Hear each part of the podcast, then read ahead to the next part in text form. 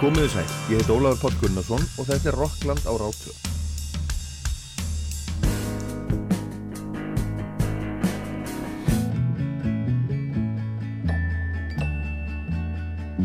The heart is a balloon.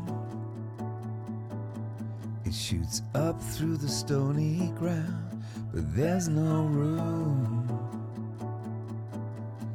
Space to rent in this town. You're out of luck. And the reason that you had to care, the traffic is stuck. You're not moving anywhere. You thought you'd found a friend to take you out of this place. Someone you could lend a hand in return for grace. It's a beautiful day. Sky falls, you feel like it's a beautiful day. Don't let it get away on the road. But you got no destination, you're in the mud. The maze of her imagination, you love this town. Even if that doesn't ring true, you've been all over, and it's been all over you. It's a beautiful day.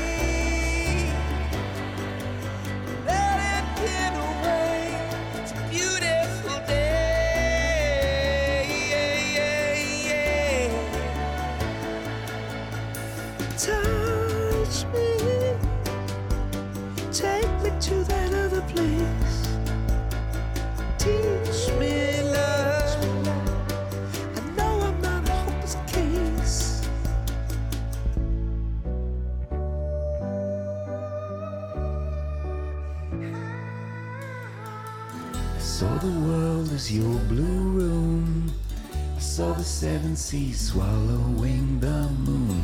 East of fingers, north of Eden. Laughter is the evidence of freedom. I saw Adam asking Eve for a pardon. It wasn't a woman who threw God out of the garden. See the bird with a leaf in her mouth. After the flood, all the colors came out.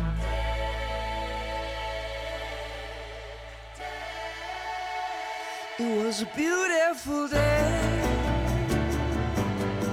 Don't let it get away. It's a beautiful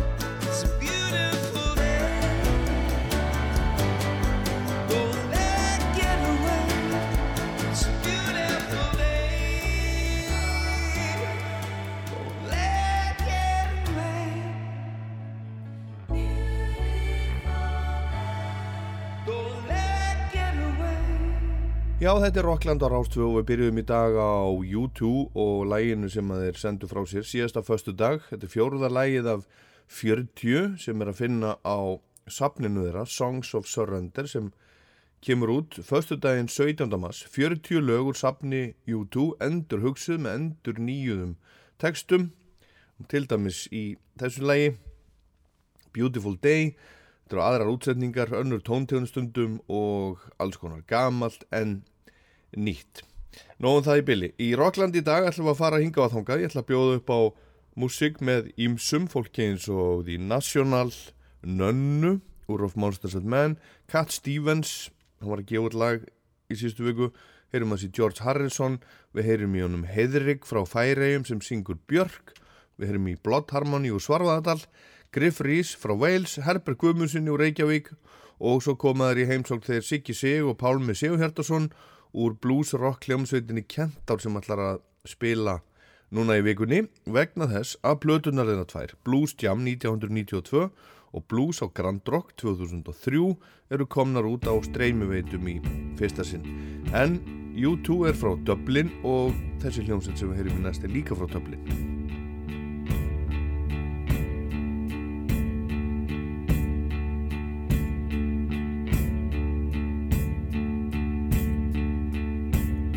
was down the bottom half of some old bar in Chinatown. My shoes had brought the rain and took the space for looking down. As drunk as love is lethal, I spun a lady round. and I kiss her neath the waking of the Dublin city sky. Her shoes into her bag and danced just like a dream. Her face was rubied up just like no sun I'd ever seen. She said I was a phony I said I could be mean. And I treated her so badly, I made my baby cry. The January markets fill the cold air with the sound. The boys are full of laughter and their pocket with the pound. And in the foggy dew, I saw you throwing shapes around. It was underneath the waking of a Dublin city sky.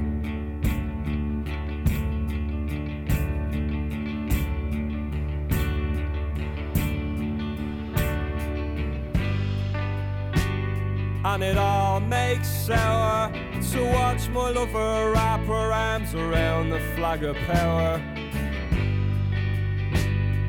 Hurry now, you will. To know you is to love you, and I love you even still. But we'll never truly be. We trip along disaster in the whirlwind of the free. All together now. I was down the bottom half of some old bar in Chinatown. Shoes that brought the rain and soaked the space for looking down. And in the foggy dew, I saw you throwing shapes around.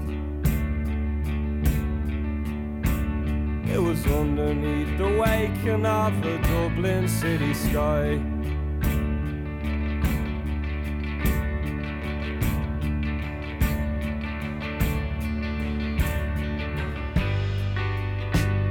And it all makes sour to watch my lover wrap her arms around the flag of power.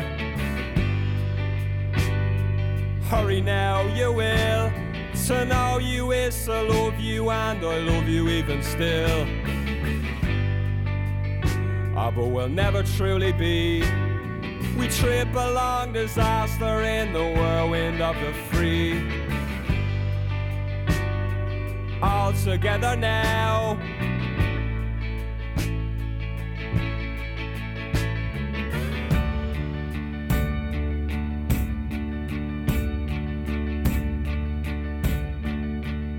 Fontaine's DC spiluðu eins og á Æsland Airwaves og þetta lag heitir Dublin City Sky og þetta er að finna á fyrstu blötunöður sem á komu 2019 heitir Dogrel fekk frábæra dóma og gerði bara ágæti sluti fór í nýjundarsæti á Breska vinsættilistan til dæmis fjórðarsæti heima á, á Írlandi.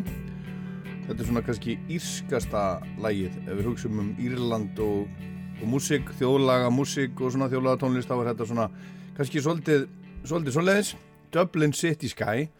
En ég ætla að spila annað lag með eh, Fountains DC sem að var að koma út bara núna í vikunni. Það er eh, gammalt lag eftir Nick Drake. Það er að finna á plötu sem að heitir The Endless Colored Ways. The Songs of Nick Drake kemur út 7. júli og við erum Chrysalis útgáfunar og það var forstjóri Chrysalis útgáfunar uh, og sá sem að heldur utanum uh, í rauninni arleið Nick Drake hér á jörðu sem að settu saman þessa, þessa plötu þar að segja völdu listamennina eða höfðu sambandið á og báðu þeim að vera með og völdu með þeim laugin og þarna eru til dæmis auk Fontaine's DC, Philip Selway og Radiohead, Emily Sande Feist, Bombay Bicycle Club og fleiri. Og þetta lag hérna heitir Cello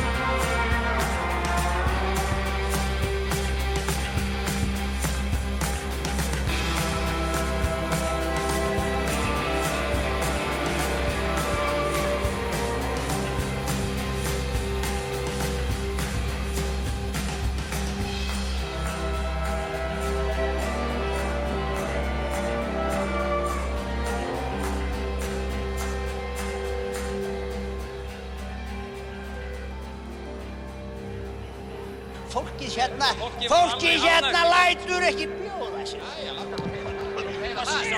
Alltaf taka á mér það. Gundi, Gundi, Gundi minn. Frábært. Meiri áttar. Óli, þetta er bara eins og að borða með fórsetan. Hi, this is Rufus Wainwright and you're listening to Icelandic Radio Rockland.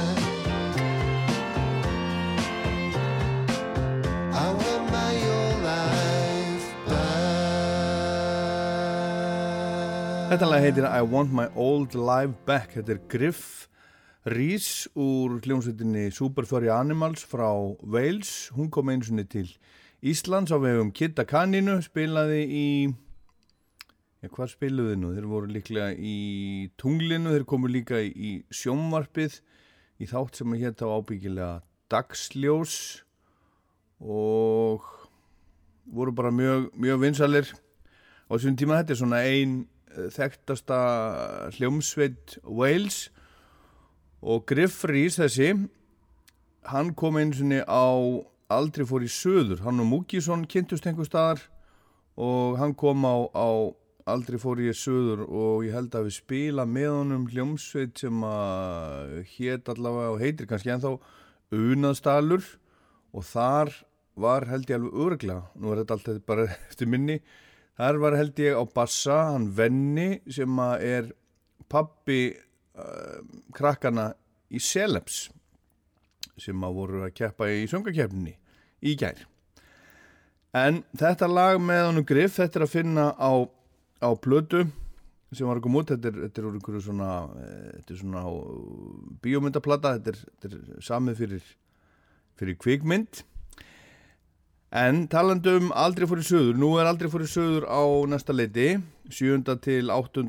april um páskana, þá eru, e, eru páskarnir og þeir alltaf að tilkynna um dagskrána, það er leindamál ennþá hverjir spila, segi hérna heimalsýðinni, brátt brestur á með rokkáttíð, kæru vinir, það hríslast um okkur gleði, hrodlur og rafmögnu spenna, brátt verður að bresta á með rokkáttíð alþjóðunar, við munum tilkynna um heildar dagskrána í byrjum aðs, en getum fullirt að hún er rosaleg, sjáumst á Ísafyrði og Póskonum og plakatið tilbúið, þetta eru eitt, ja, ég sé ekki hvað þetta eru, eru mörgnöfn, þetta er allavega slatti.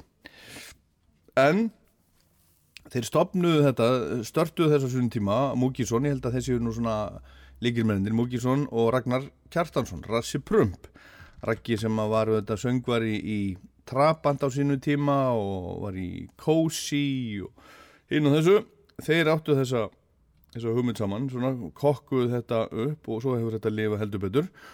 Og Raggi er náttúrulega orðin bara einn ein, ein merkasti listamæður, myndlistamæður þjóðarinnar. Og það var einhver tíman fyrir nokkrum áru sem að hann var með eitthvað verk, var að gera eitthvað og þá fekk hann hljómsveitina National, bandarísku hljómsveitina National til þess að vinna með sér og þeir spiluðu uh, það sem var þá held ég upp á hans. Aftur og aftur og aftur spiluðu það bara í marga klukkutíma, einhvern lag, ég man ekki alveg hvernig það var. En National var að senda frá sér nýtt lag og það er að koma nýj plata. Lag sem heitir New Order T-shirt, skulum heyra það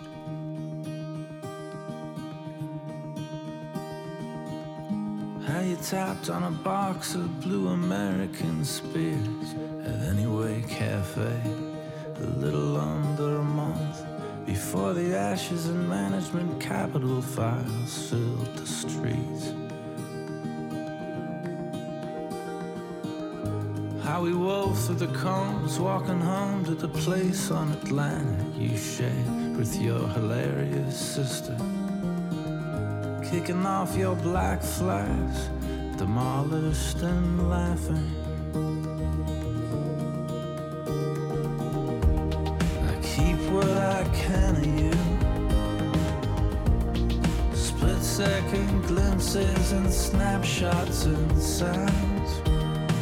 You in my new order t shirt, holding a cat and a glass of beer. When you rescued me from the customs cops in Hawaii, shut down the place with my Japanese novelty bomb.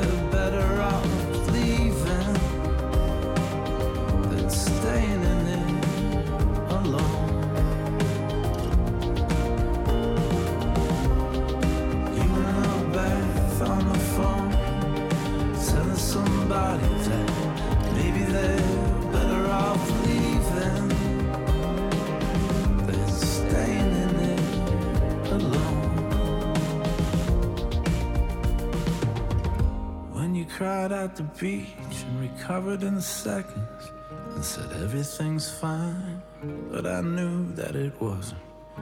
Then you stayed out of reach of me for almost a year.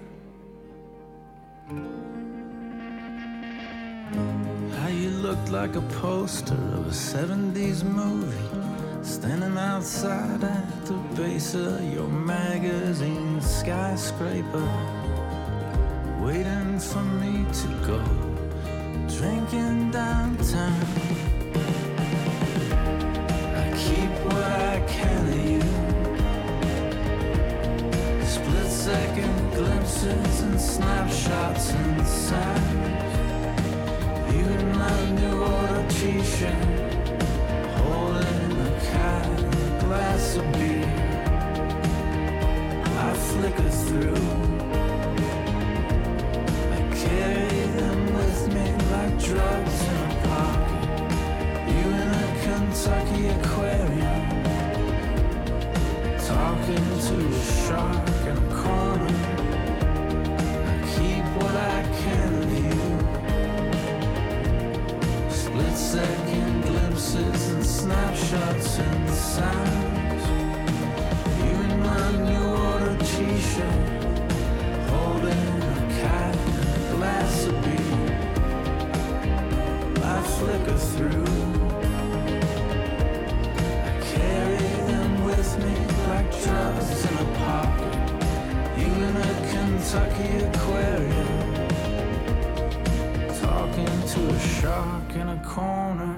Já, splunkunýtt lag frá hljómsveitinni National New Order T-shirts. Þetta kemur út á plötu sem að heitir First Two Pages of Frankenstein sem er níunda plata National kemur út 28.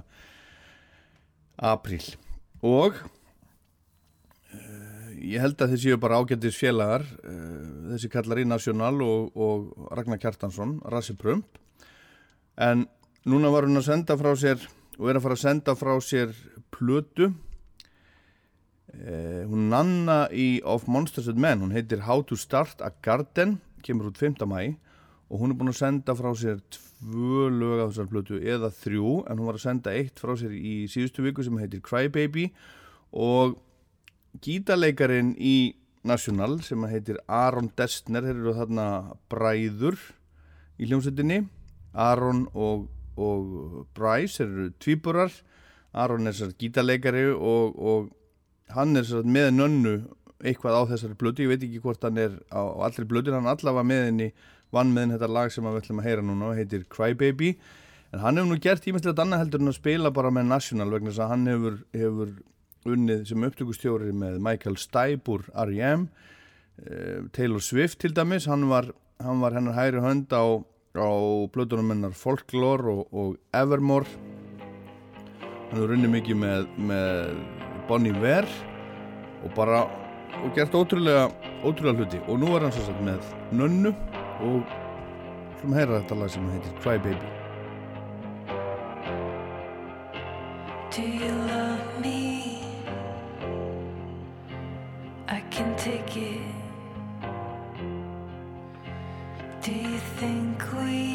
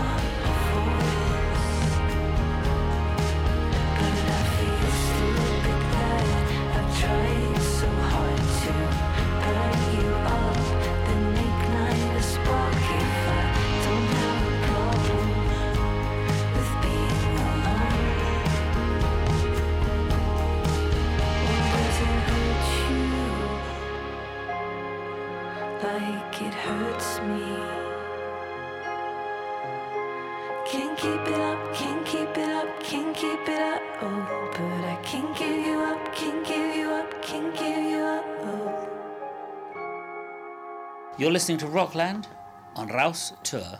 This is Jules Holland. Thank you.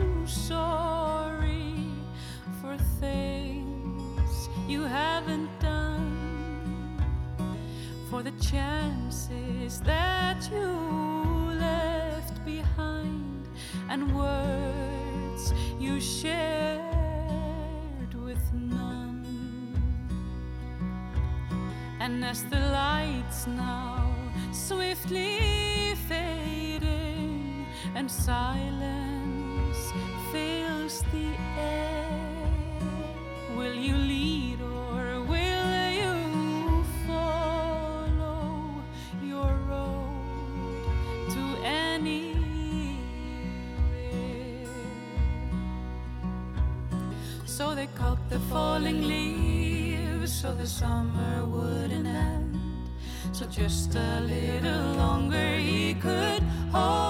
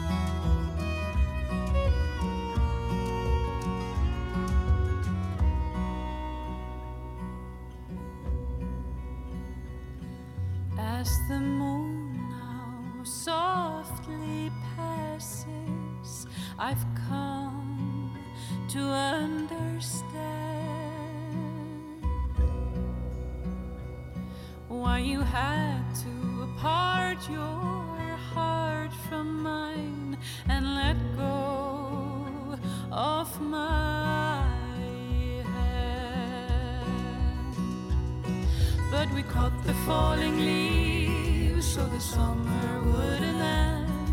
So just a little longer you could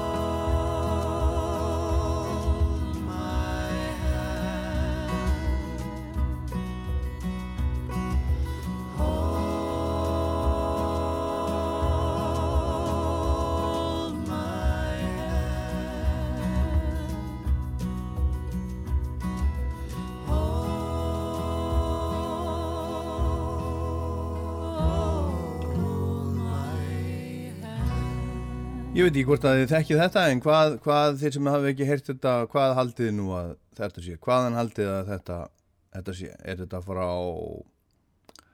er þetta frá Montana í Bandarækjánum? Er þetta kannski frá Skotlandi eða Írlandi? Nei, það er nú ekki þannig. Þetta er bara úr Svarfaðadalnum, tjörn í Svarfaðadal. Þetta er, þetta er sískina hljómsveitin sem að heitir Blood Harmony. Þau voru saman í, í hljómsveitinni Brother Grass, þau Örn Eldjátt og Ösp Eldjátt. En svo fyrir þremur árum, 2020, þá uh, fóruðu að æfa í kjallaranum á Esku heimilinu á tjötn í Svarvaðadal útbyggu upptökustúdíu og, og byrjuðu að taka upp og, og nota þetta nafn, Blood Harmony en Blood Harmony er hugtak sem er notað þegar fjölskyldu meðlumir syngja saman og, og samljómurinn er slíkur að það er erfitt að greina hver syngur hvað og það er þannig í þessu, þessu tilfelli. Þetta er virkilega, virkilega fínt, virkilega flott. Og þau eru þarna Örn og Ösp og svo Björk Eldjátt, hún er, er þriðja sískinnið og þau eru búin að gefa út fjögur lög og þau eru að vinna að stóri plötu sem að þau ætla að gefa út á þessu ári. Og ég sá á netinu á Facebook að þau voru núna í januar að spila hjá BBC í Skotlandi einhverju svona einhverju svona þjóðlaga tónlistar þætti eða festivali eða, eða eitthvað svo leiðis Skulum heyra annar lag með Blood Harmony sem að Örn syngur aðalröndi Þetta nýjasta læðira heitir Girl From Before.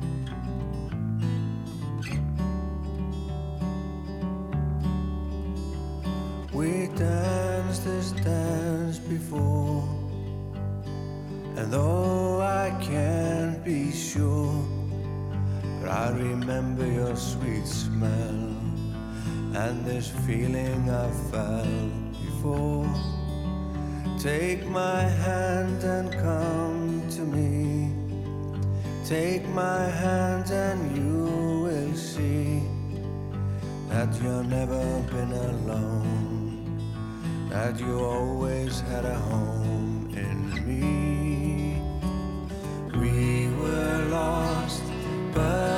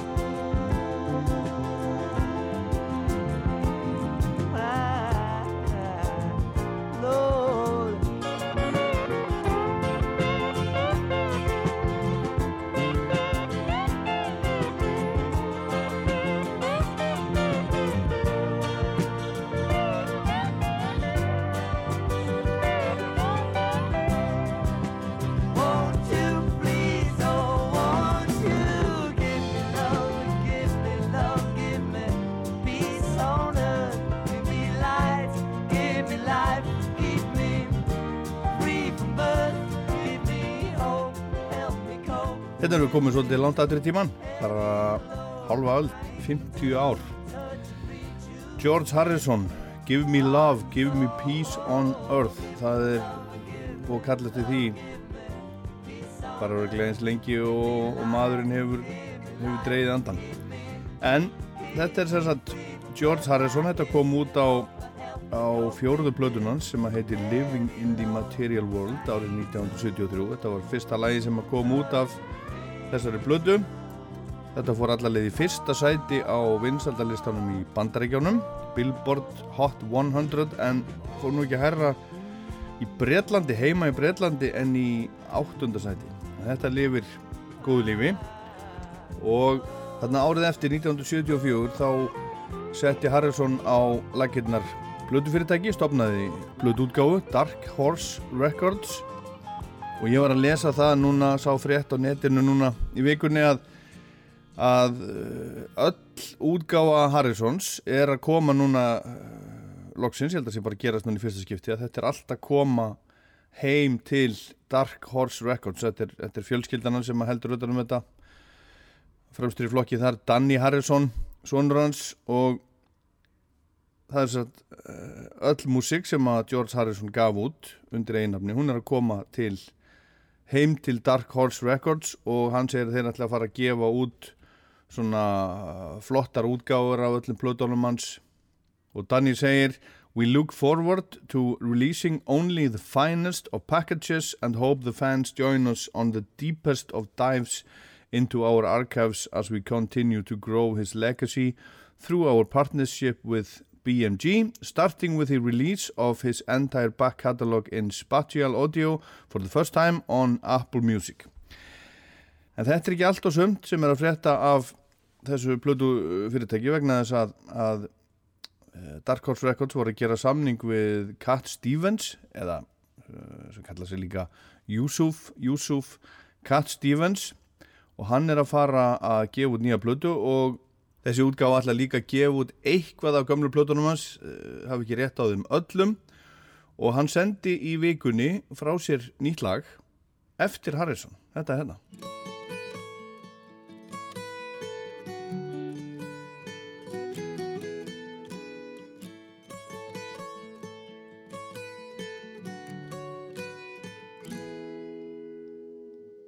Here comes the sun comes the sun, and I say it's alright. Little darling, it's been a long, cold, lonely winter. Little darling, it feels like years since it's been here. Here comes the sun. Here comes the sun and I say it's alright.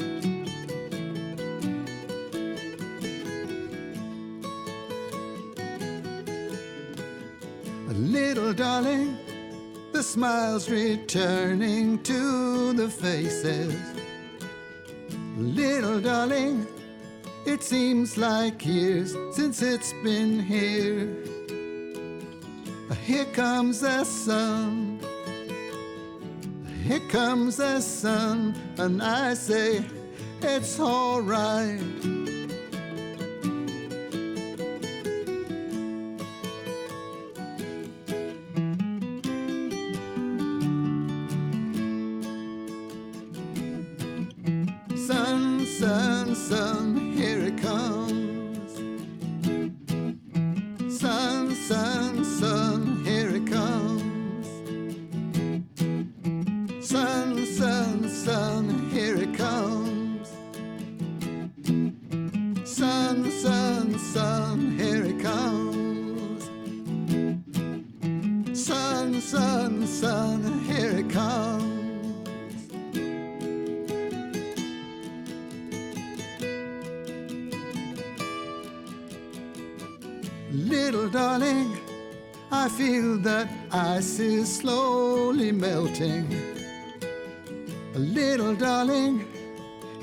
Seems like years since it's been clear.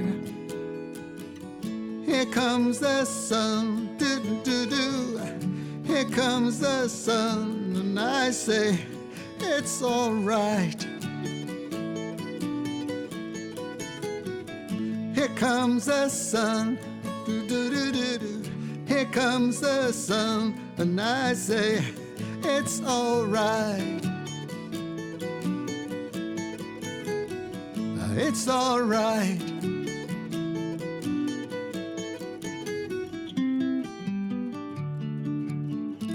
Þetta er nú bara skemmtilegt hjá, hjá Cat Stevens, Yusuf, Here Comes the Sun eftir George Harrison, þetta er alveg splunkunýtt nýkomið út og hann kominn til liðs við plötufyrirtæki, gamla plötufyrirtæki hans Harrisons, uh, Dark Horse Records. Og það var verið að tilkynna það núna í vikunni að Cat Stevens verður í, í aðal uh, slottinu á Glastonbury hátíðinni núna í sumar, þetta er engin, engin smá hátíð, ég var þarna 5 ári rauð frá 1995 til 2000 og þetta er alveg stórkostlegt stórkostlegt fyrirbæri sem hefur bara stækkað síðan, síðan ég var hérna þó að vera hérna þegar voru flestir ábyggilega 200.000 manns. En aðalnúmerin eru Arctic Monkeys á fástöldarskvöldinu Guns N' Roses á lögataskvöldinu og Elton John er síðastur á svið á stóra píramítarsviðinu á sundarskvöldinu en þar á undan þar sem að þeir, þeir kalla Sunday eh, Tea Time Legend Slot þar verður Cat Stevens. Og þetta er nú sama fjölskyldan sem hefur, hefur staðið að þessu alveg í meira en halva öld. Michael Eavis sem er bara bondið þarna á Worthy Farm og svo dóttir hans Emily Eavis í setni tíð og allur ágöða hátíðinni hann fer til Oxfam og WaterAid og Greenpeace og uh, til fornalamba jarðskjáltana í uh, Sílandi og Tyrklandi til dæmis. En þetta er að Elton John, Arctic Monkeys, Cat Stevens Guns N' Roses og svo margir margir fleiri á Glastonbury næsta sumar. Og við skulum heyra aðeins meira bíl Paul McCartney var nefnilega í þessu sama slotti og Cat Stevens verður í núna í sumar í fyrra og það var alveg stórkostlegt. Og, og þetta er sínt beint á BBC og áhorfið á þetta er bara eins og, og söngvakeppnin eða Eurovision á Íslandi, það eru allir að horfa á þetta. Þetta er eitt af lögunni sem, a, sem að hann tók eftir George. Þetta er endara upptaka frá, frá Concert for George sem voru minningatónleikar um George fyrir 20 árum síðan Something in the way she moves attracts me like no other lover. Something in the way she woos me. I don't want to leave her now. Well, you know I'll be leaving now. Mm-hmm.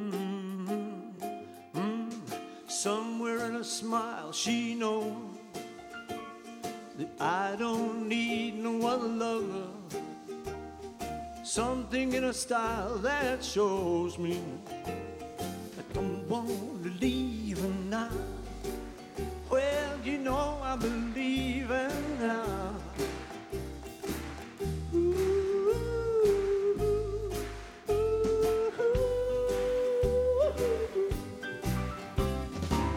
Well, you're asking my love grows.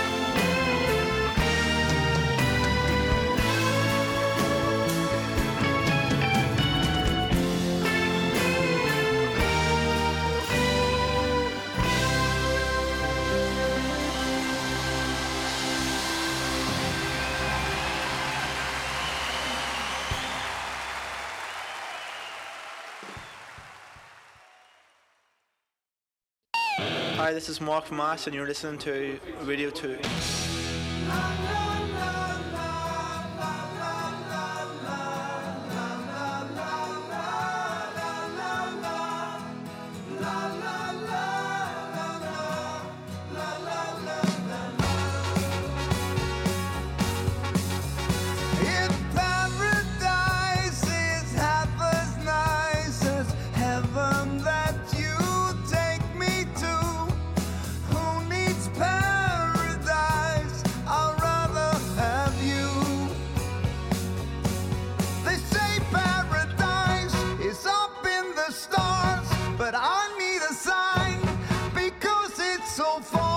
Cause I know it's worth a heaven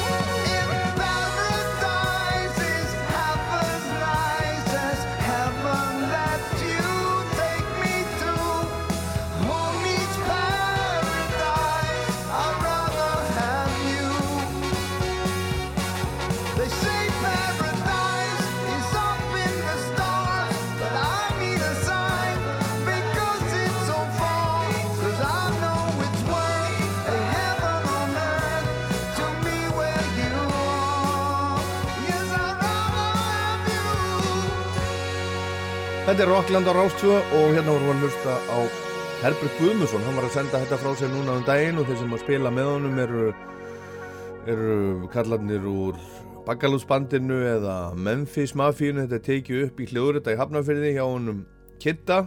Herbert Guðmusson var leinigestur á jólatónleikum Baggalúts núna fyrir jólinn, núna í desember og, og uh, þeir hafa ákveðið að vinna saman eitthvað, eitthvað meira og Herbert var að taka þetta sem sagt upp, þetta er lag sem að koma út með hljómsveitinni Eamon Corner árið 1969 þetta fór í fyrsta sæti á, á breska vissaldalistanu þá með þessari þessari ennsku hljómsveit Eamon Corner. Þeir gáðu þetta svo út aftur 1976 og það eru tvær mismunandi útgáfur til á lægin með þeim. En það sem ég vissi ekki fyrir en bara núna í gær er að þetta er, þetta er ítalslag þetta kom út 1968 með, með eh, sem að heitir hljómsveit sem heitir La Ragazza 77 eða Ambra Borelli. Og þetta kom svo út líka uh, 1969 með, með uh, söngkonu held ég sem heitir Patti Pravo. Og þá hétt þetta The Paradise eða Il Paradiso. Þá vitið þið nú allt um það If Paradise is half as nice. Þetta var Herbert. Og lagið er komið á streymuveitur. Uh, næsta lag heitir Let the Good Times Roll eftir Hádegi.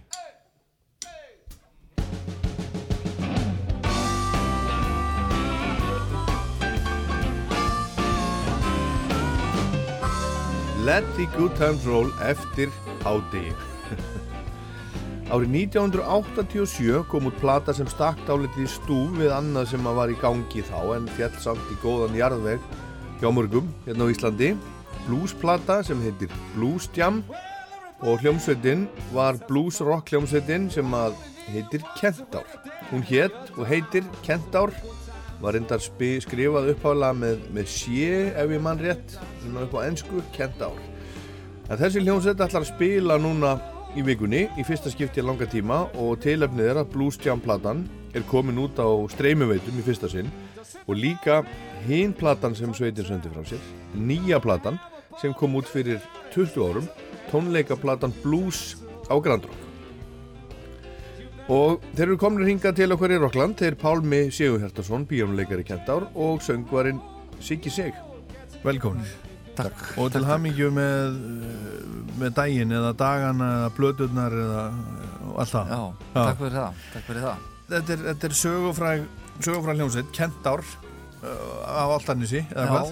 fort, fort söguleg. Já, sko ég mig minnir að ég hafi komið einhvern tímann uh, í æfingahúsnaðið ykkar eða allavega fyrir utan æfingahúsnaðið ykkar. Það gæti að verið bara þar. Ég, var, ég átti nefnilega vinn frá Akarnissi sem að flutti á Altanissið Já. og hvort ég var bara að þvælast með honum og, og svona fyrir utan þegar þið voruð að æfa tímann. nú alls konar. Og við erum að tala um bara, þú veist ég veit ekki, hvernig, 8, 10 og eitthvað, já, það gæti verið, ég verið 15 ára, 16 ára eitthvað svo leiðis og þá voru þið eh, að æfa þannig ég er búin að, vita af ykkur alla tíð og sá ykkur náttúrulega spila oft á mörgusinnum í gamla dag á Akranesi, þið voru að rifja hérna upp áður en við settum í gangað þegar við spilaði á bjórdaginn á Jú. Akranesi Já, 1989 Já, ég hef ábyggilega verið þar Já, Já, það, ég tel, tel það nokkuð ljóst en það er svona með setni það er svona á loka spretti hljónstarinnar sko, sem, sem blues band Já. en þetta start sko Kentor var eina af þeim hljónstur sem tók í fyrst, þátt í fyrstu músiktilurinu 1982 Já. og auðvitað í uh, öðru sæti ég reyndar var ekki Já. byrjar þá í bandinu Nei, nei.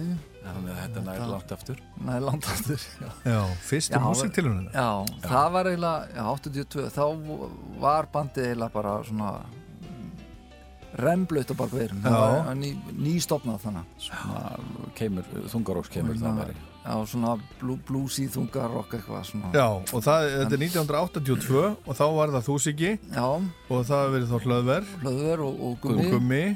og Benedikt Benedikt og, og Jón Óskar Jón Óskar, já, já. Já. Þá var þetta svona gítarband og hvað, hver, svona, hverjar voru nú fyrirmyndirnar? Það var Zeppelin svolítið, Zeppelin og Purple Já. og hérna Já, aðalega þeir held ég bara svona Já.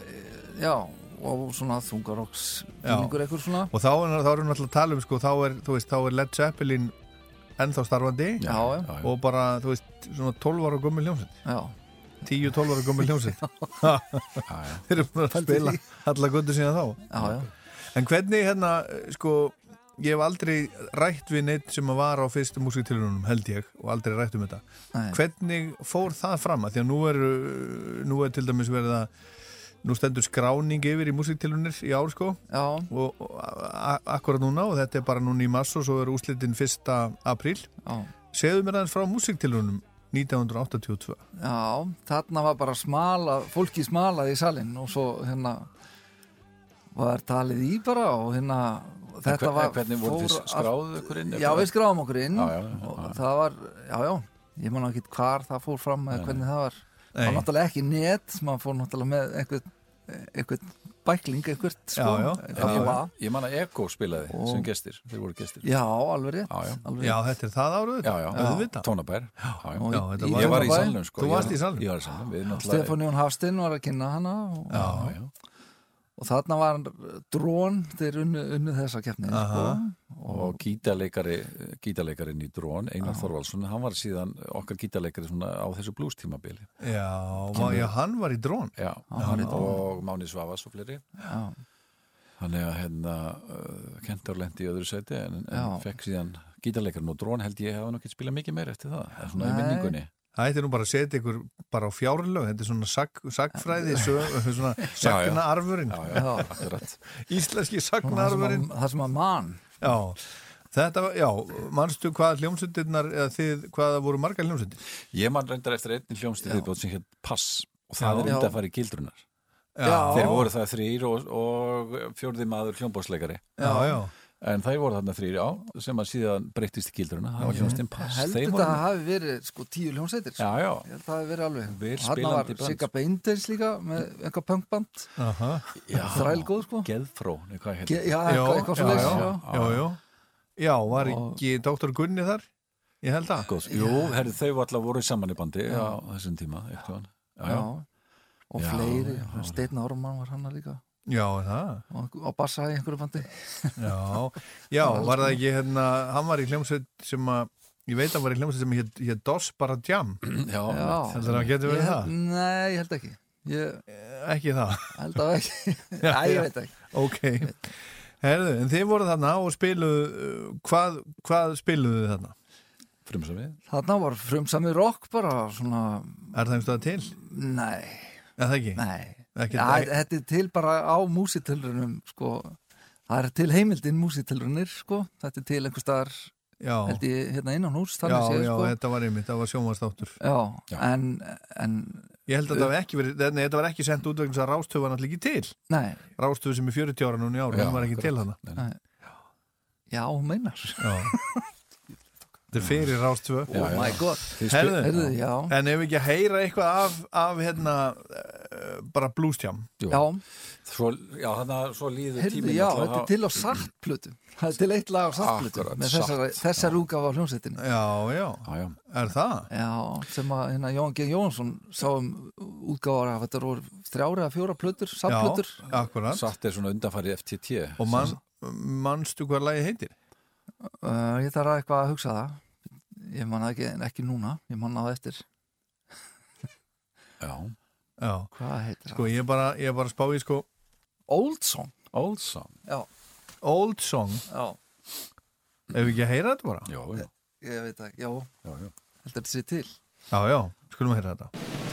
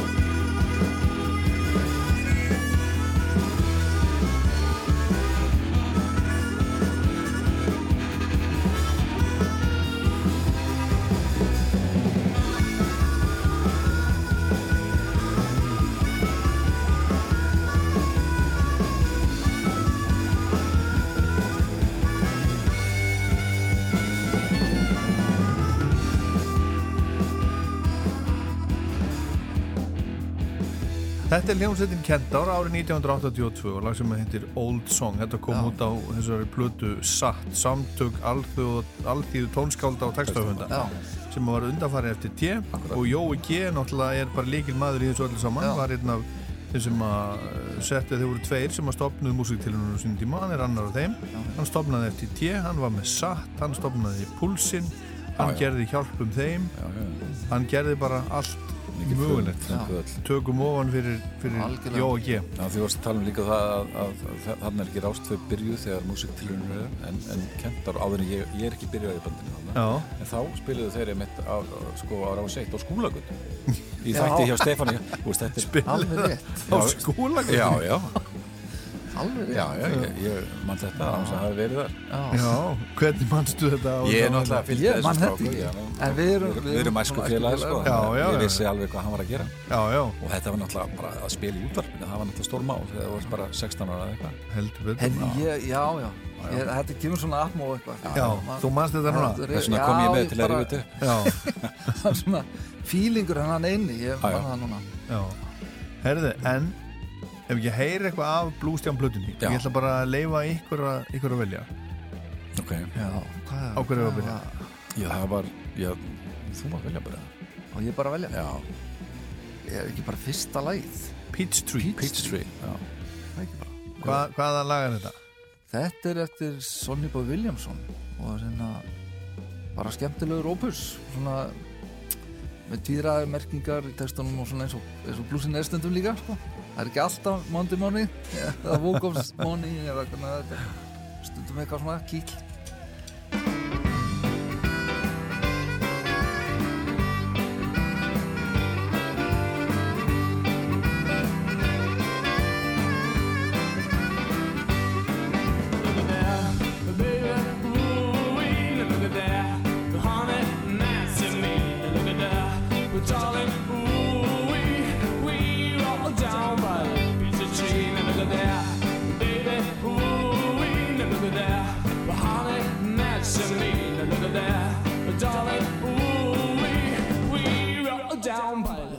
peachy tree, I like your little peaches.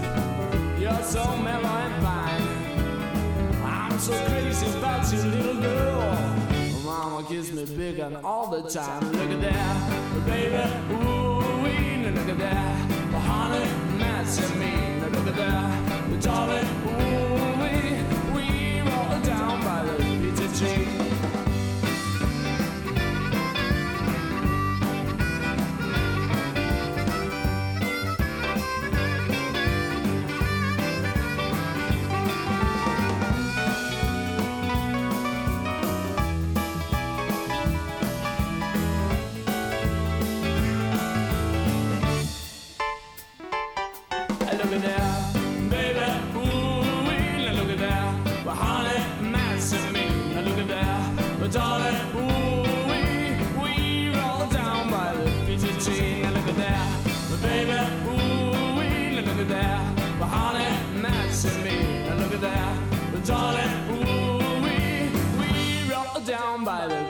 peachy. I like your little peaches.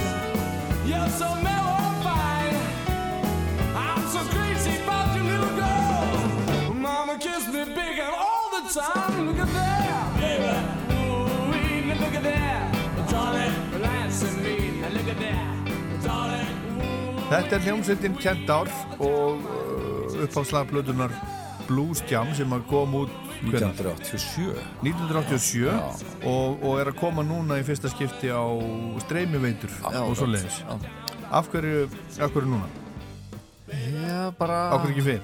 Af hverju ekki fyrir? Já, það er bara góð spurning Við erum búin að tala um þetta svona alltaf annars slægi sko og hérna svo bara gleymist þetta í, í amstrinum og Já. hérna En þetta kom bara út af vínil á sín tíma Já. og uh, er líklega Já, já.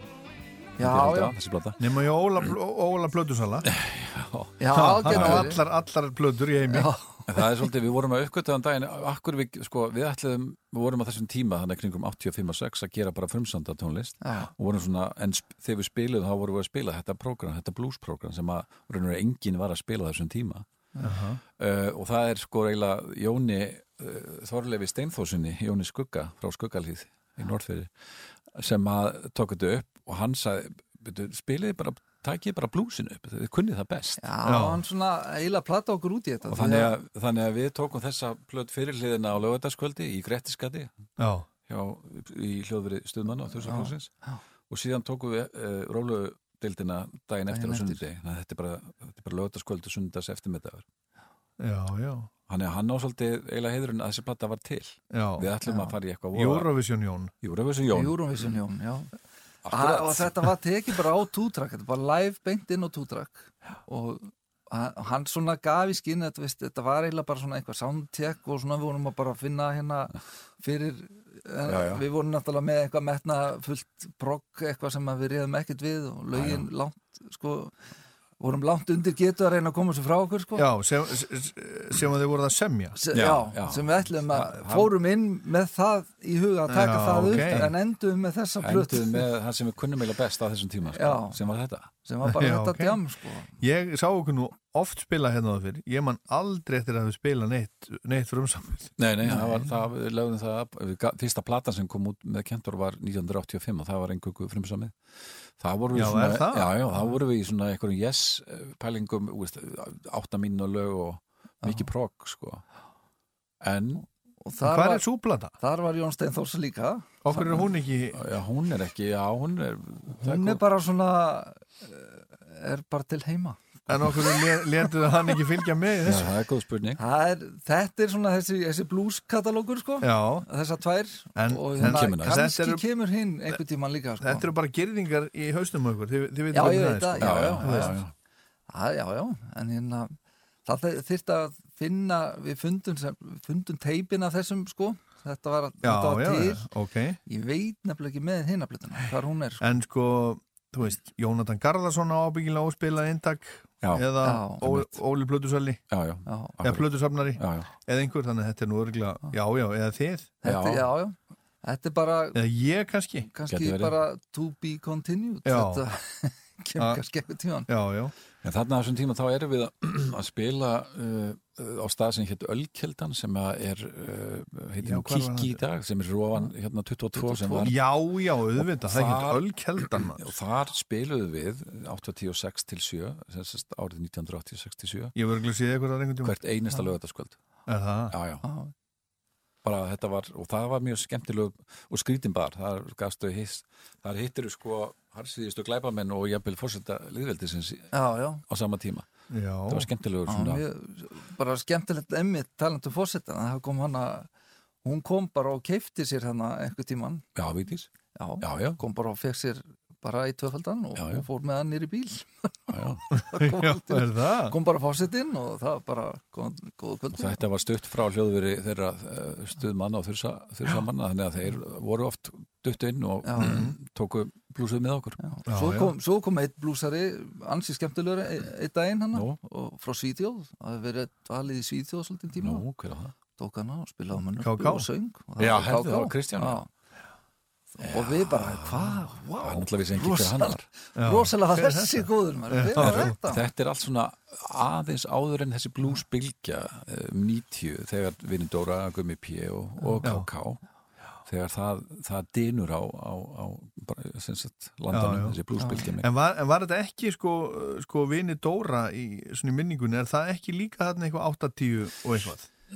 Ekki alveg á þessum tíma þegar, þú veist, 86-7 Nei, Þá erum við með- þá- aðeins svo eftir. Aðeins eftir, þá erum við með árlega, við vorum með þessa jólablús tónleika Hotel Borg sem voru alltaf stóri svona tvennir þrennir sem við gerðum. Það sem við vorum með Magga Eiríks, Egil Ólafs og Andrið Gilva Já, sem að þið stóðu fyrir. Já, Já. sem voru svona og með gestum, já.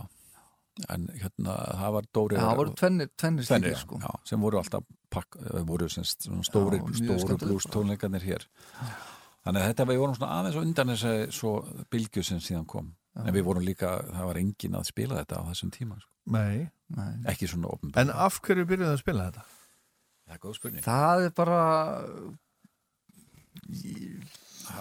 veit það ekki Það var, alltaf engin, það var engin blues-hátíð, það var engin önnur Nei, blues nei, hljómsveit, einhvern veginn- Dóri ekki byrjaður, þið voru bara Ég einir að í þessu. Það hafi verið svona áhrif margra svona Stones aðdánda í bandinu með Já. annars og, og það líka bara að, Já, og, og Seppilin líka, Já, já. fór, fór að fara að bakka sko, veist, þetta var svona það, það, þar voru svona blúsi lög líka Já, já, sko, maður fyrir að þess að bakka og, og pæli hverju hvaðan kemur þetta Mhm. þannig að maður var svona, svona svolítið kannski svipað og, og stónsærðinu voru að gera þegar þeir fóru að hérna, leita einhverju að, að maður, fer alltaf aftar í tíman og, og þá dettur maður niður á að kalla eins og Little Walter og Sonny Boy og, og þess að kalla sko sem að uh, tengjast kannski munnörpunni svolítið Mhm. og, og þá bara fer þetta svona, við fórum hlustum svolítið á Lou Jordan líka sem að er svona svona upp, við erum, vorum svolítið í þessu uptempo Já. blues sko meira Þetta er ekki jump blues. svona jumpy Já, eitthvað jump sko and jive, jú, jú. Já, þannig að það, og það er svona svolítið piano, þannig að Mhm, þetta, mhm. þetta bara svona Það var eitthvað mix sem að henda okkur og ég Já, líka sullaðist held ég saman við þessi hljóðfæri sem við Ég held vorum að það með sé í bara mikil sko. gæfa þegar úst, maður er um tvítugt og, og er fer þessa leið sko og byrjar í þessu þryggja hljóma formi sem er Já. sem að uh, sko skilar manni vel út í músíkina alveg sama hvert þú ferð Mhm. það hefur náttúrulega sagan sínt sig með alla úst, eins og breska bluesbylgjan minna hverju skilaði það okkur og svo kynslo sem spilaði blues Já. kringum 1970 sem að eru svona máttarstólpar í íslensku tónlistar Já, sögunni sko. En er það ekki frá þér, Pálmi, sko, blues sem er spilað hratt? Á, nei, ég samt Hvað- að ha, Hvað kallið þið blues sem er spilað spilað hratt? hratt Já, við Það er blues. Já, nei, já, það er ekki, ekki frá mér Það er ekki frá þér. Ég reynda að gera lag með annar hljómsveit sem heitir Bluesi leðilegt lag. Já, ég man eftir því. Það hefur ekkert að gera með að blúsi endilega leðilegt Nei, nei. Það er bara leðilegt tónlist er ekkert skemmtilega Nei, einmitt. Herðu, næsta lag. Já, Hvað er það að spila? Fjast nú kannski svolítið bátt fyrir þetta já, já Jú, jú. miskildist þetta Já, já. já, já. Til þess næsta lag. Uh, já, það var náttúrulega það sem að- var mest spilað af þessari plötu var Caledonia Já, ef að dundra því ágæta lag uh, Já. já. Og það er eftir hvern? Það, nú mann ég það ekki alveg, var það, það er Lúi Djórdan tók það nú Já, já, já, já. alltaf sé ekki bara eftir hann? Jú, skulum segja það bara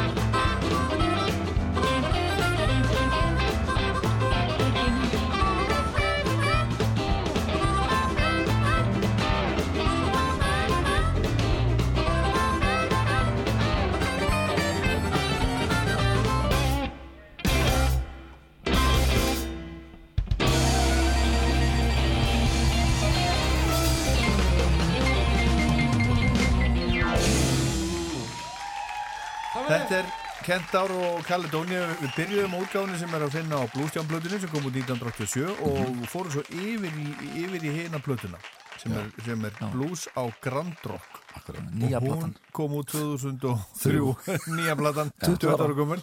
báðar komnar á Spotify til dæmis og, og, og allar, allar streymi vitur það ekki? Jú, jú, komum bara núna fyrstæðin Já, þriða en þetta er svona blues, þetta er svona hratt já, blues. Bluesjam hliðin, þarna, lögataskvölds hliðin er bluesandi Já, En það hefur verið mikið stuð hjá okkur. Já, mikið stuð. Já, rosa gaman. Já, já, já. Og voruð að drekka og svona? Já, já, já, á lögataskvöldinu, já, já, já. Fórum svo beint á ölkeldina, náttúrulega eftir. Já, Stutta að bara. spila? Nei, nei, bara að fagna fyrir munið- Fagna fyrir hliðina. Þið munið eftir þessu? Já, Já, já, já, já, nei, nei, þetta var menn og rungir og, og hressir, sko. En þetta er svolítið, sérstætt að, að þið skulle hafa verið sko á þessum, þessum tíma ní, þú veist, 87 1987 er sko árið sem að, þú veist, var ekki Whitesnake gefur út Is This Love Jú, jú. og alveg svona 80s Það er hérna, allt stóra hárið og Eiginlega 80s-ið, bara herðabúðarnir nokkurn- og Í axlabúðarnir. algleymi, þannig. það er, það er alveg bara, já, í Já, já. og þá er þið í þessu Já. svona Já. Gömlum gamaldags blues Raunur algjör tímaskekkja ég man eftir, man eftir grein sem að kom í mokkanum einhvern tíma Já.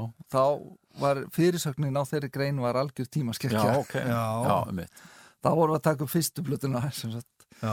En við, já, já, við vorum ekkert kannski mikið að þessu. Við hræriðumst alveg í þessum, sko, við áttum alveg vin í öllum, sko, hljómsettum út Já, um allt já, og, og, og þetta var, ég veit ekki, þetta var bara svona. Við vorum að spila ekkert um tónleikum með greifunum. Já. Þú veist, þá vorum við bara með okkar blues og þeir með sitt útilegur rock, sko. Já, þannig að þetta, þetta var bara allavega.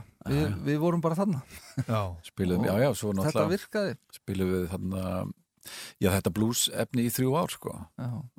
Já, en ekki nema í þrjú ár Já, 86, 7, 8 og 9, já, já, þrjú, fjóra ár allavega Svo ég. var kert aðeins inn á ball, ballmarkaðan, sko, þá var fara að bæta aðeins inn, en við vorum alltaf með þessi lög Já. í fartiskinu samt, sko. Þannig að þið voru, voru ballhjómsveit líka Í svona undir lokin, sko, Já, og þegar vorum að spila þá? en þegar vorum að spila á Hótel Akranesi Já. þá var þetta svona vorum við að spila uh, svona efn, dansefni sem var svolítið bara Stones og Beatlan og eitthvað sko, Já, sem var já, svolítið á einmitt. þessum Ég man eftir meira, Stairway sko. to Heaven Já, já, það var tekið og, og ek, við, við vorum með Meatloaf með þess að hérna, Sigga Já, já. Beinteins var með okkur í smá tíma líka þá Já, var, já, já, Meatloaf já, já. tekin sko, Paradise og allt Já, þetta já. sko og við spiluðum í uh, Hollywood það sem að týnda kynnslóðin, það var svona uh, 60s þema þarna eitt árið Aha. og þá breyttist nafnið á hljónstinni Kentor í 60s sem svo mörgum árum síðan var hljónsett sem hétt 60s sem að einn meðlumur Kentor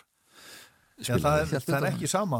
Nei, nei, nei, nei, það var bara Kentor. Það var bara og, Kentor og Sigga stundum með okkur þannig Já, að já. enn að spila þessa svona 60s músík. Já. þannig að það var svona uppistaðan í, í dansleikja prógraminu. Já. Herðu, Já. ef að spila Susie Q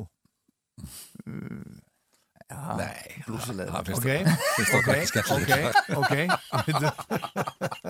Við erum þess að ekki taka eitthvað annað. Já. Ok. Ég var bara en bara looking back. Looking var back, það ekki eitthvað já, svona já. Veist, það var gert vídeo við Fredrik það. Þór gerði Friðrik vídeo. Þór? Já, ég geti Er séð það til? Já, já, ég var að posta því núna fyrir nokkrum dögum. Já, hann skuldaði okkur eitthvað. Veit- Var það ekki þannig? Jú Það vist henni Ísland, ah. best í heimi Looking back Looking back I saw her walking down the street. A little girl who looked so sweet. I followed her half a mile. I wanted her to stop a while. Yeah, I was looking back to see that she was looking back to see that I was looking back at her.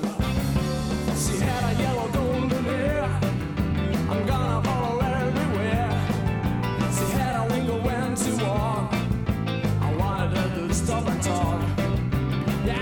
Looking back to see that she was looking back to see that I was looking back at her.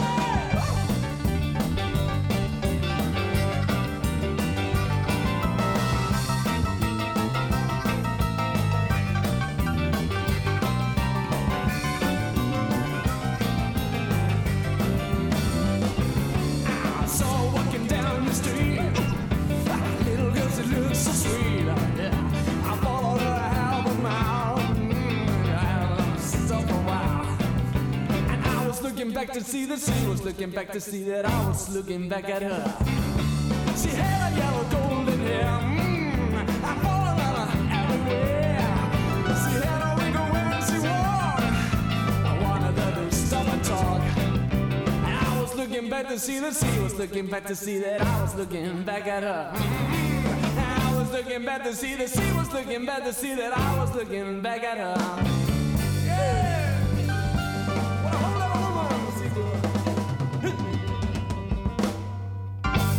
Hljómsveitin Kentár og lagi Looking Back, þetta er á plötunni Blues Jam sem að koma út 1987 og 7 og var að koma út núna á, streymiveitum og þeir eru að fara að spila eitthvað. Já. Ætlum og það að- er bara sama bandi og er þarna?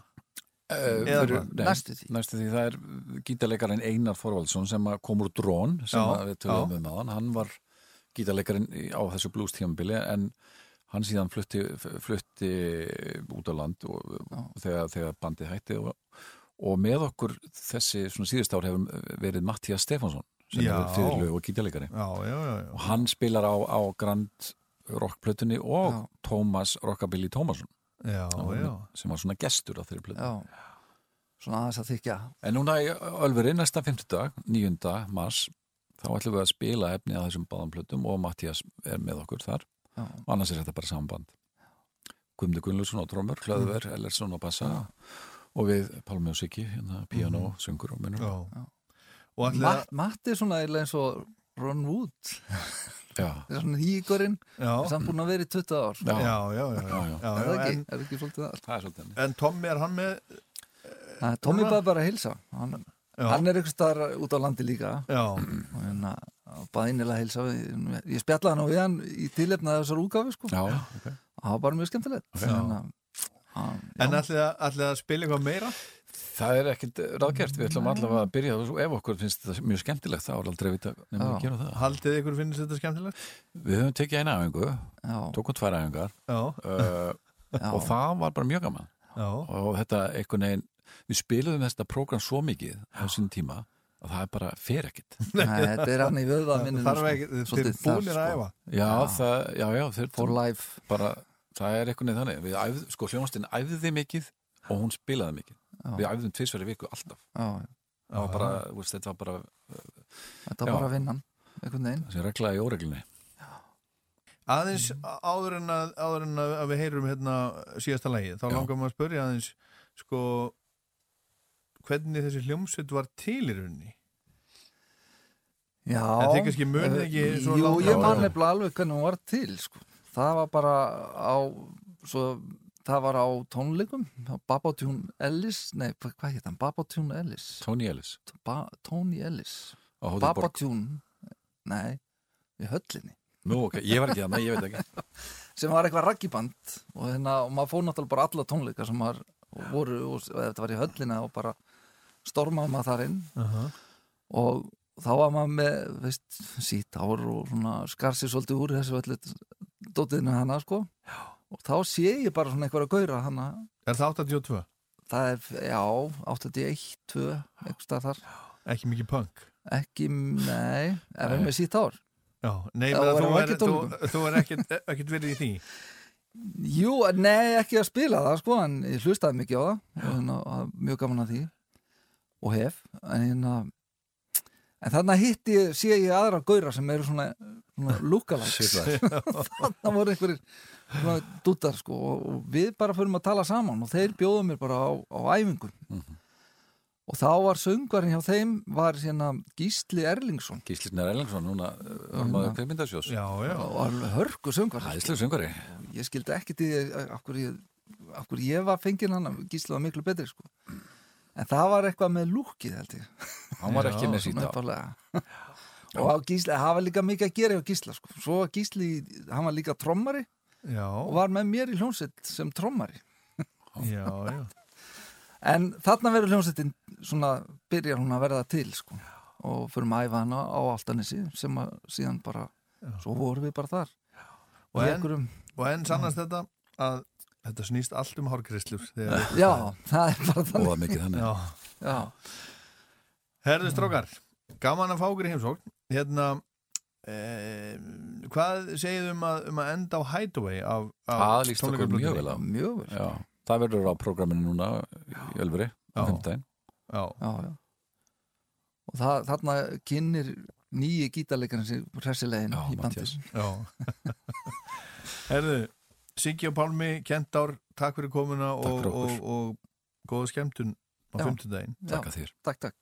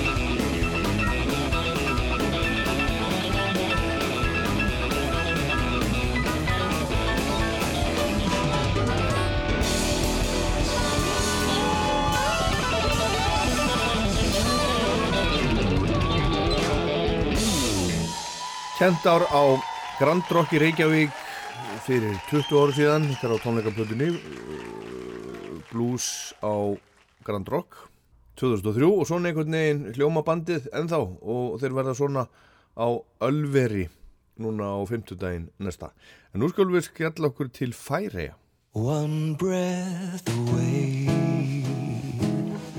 from Mother Oceana,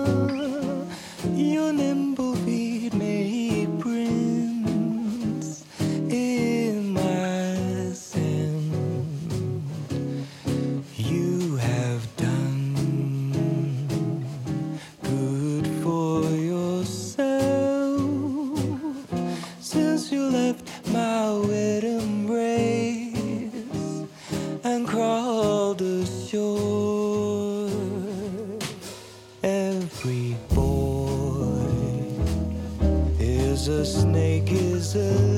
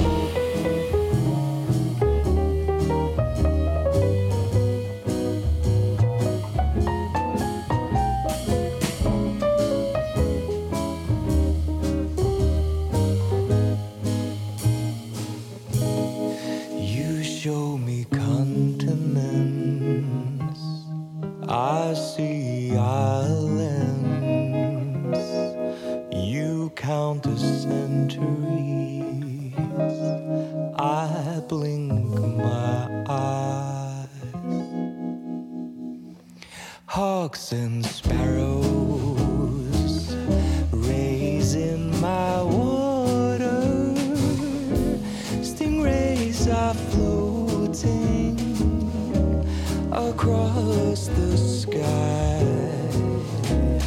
Little ones, my sons and my daughters. Ooh, your sweat is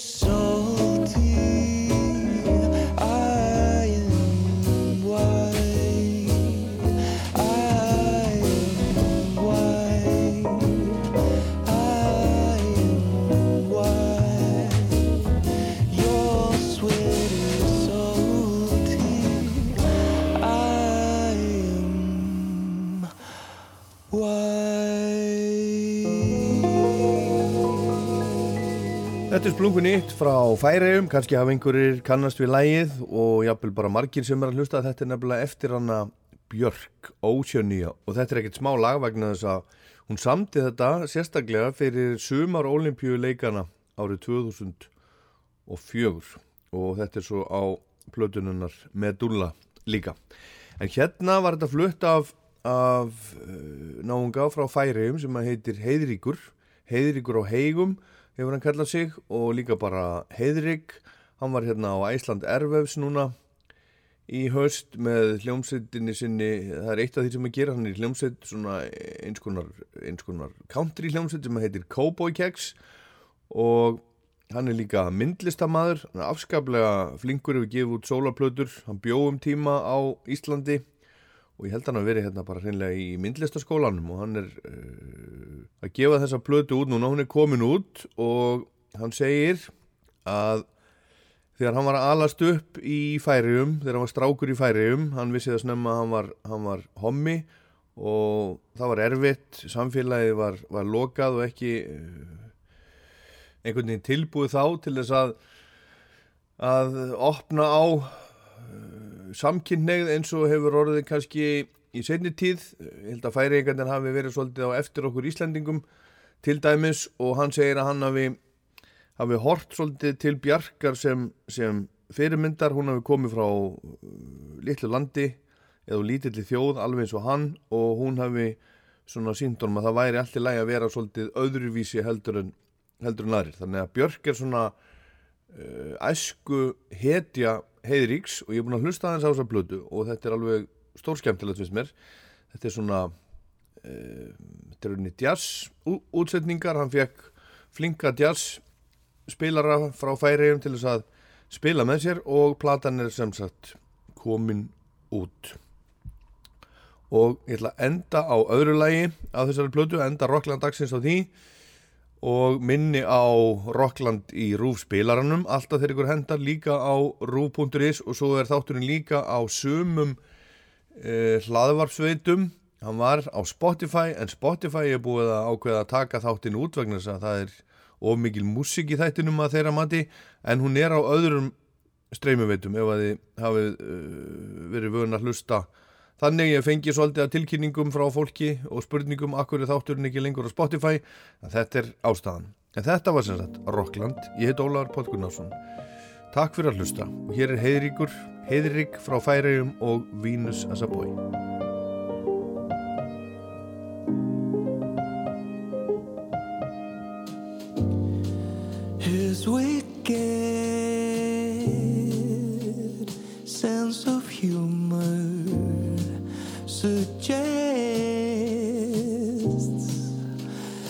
exciting sex. His fingers they focus on her uh, touches.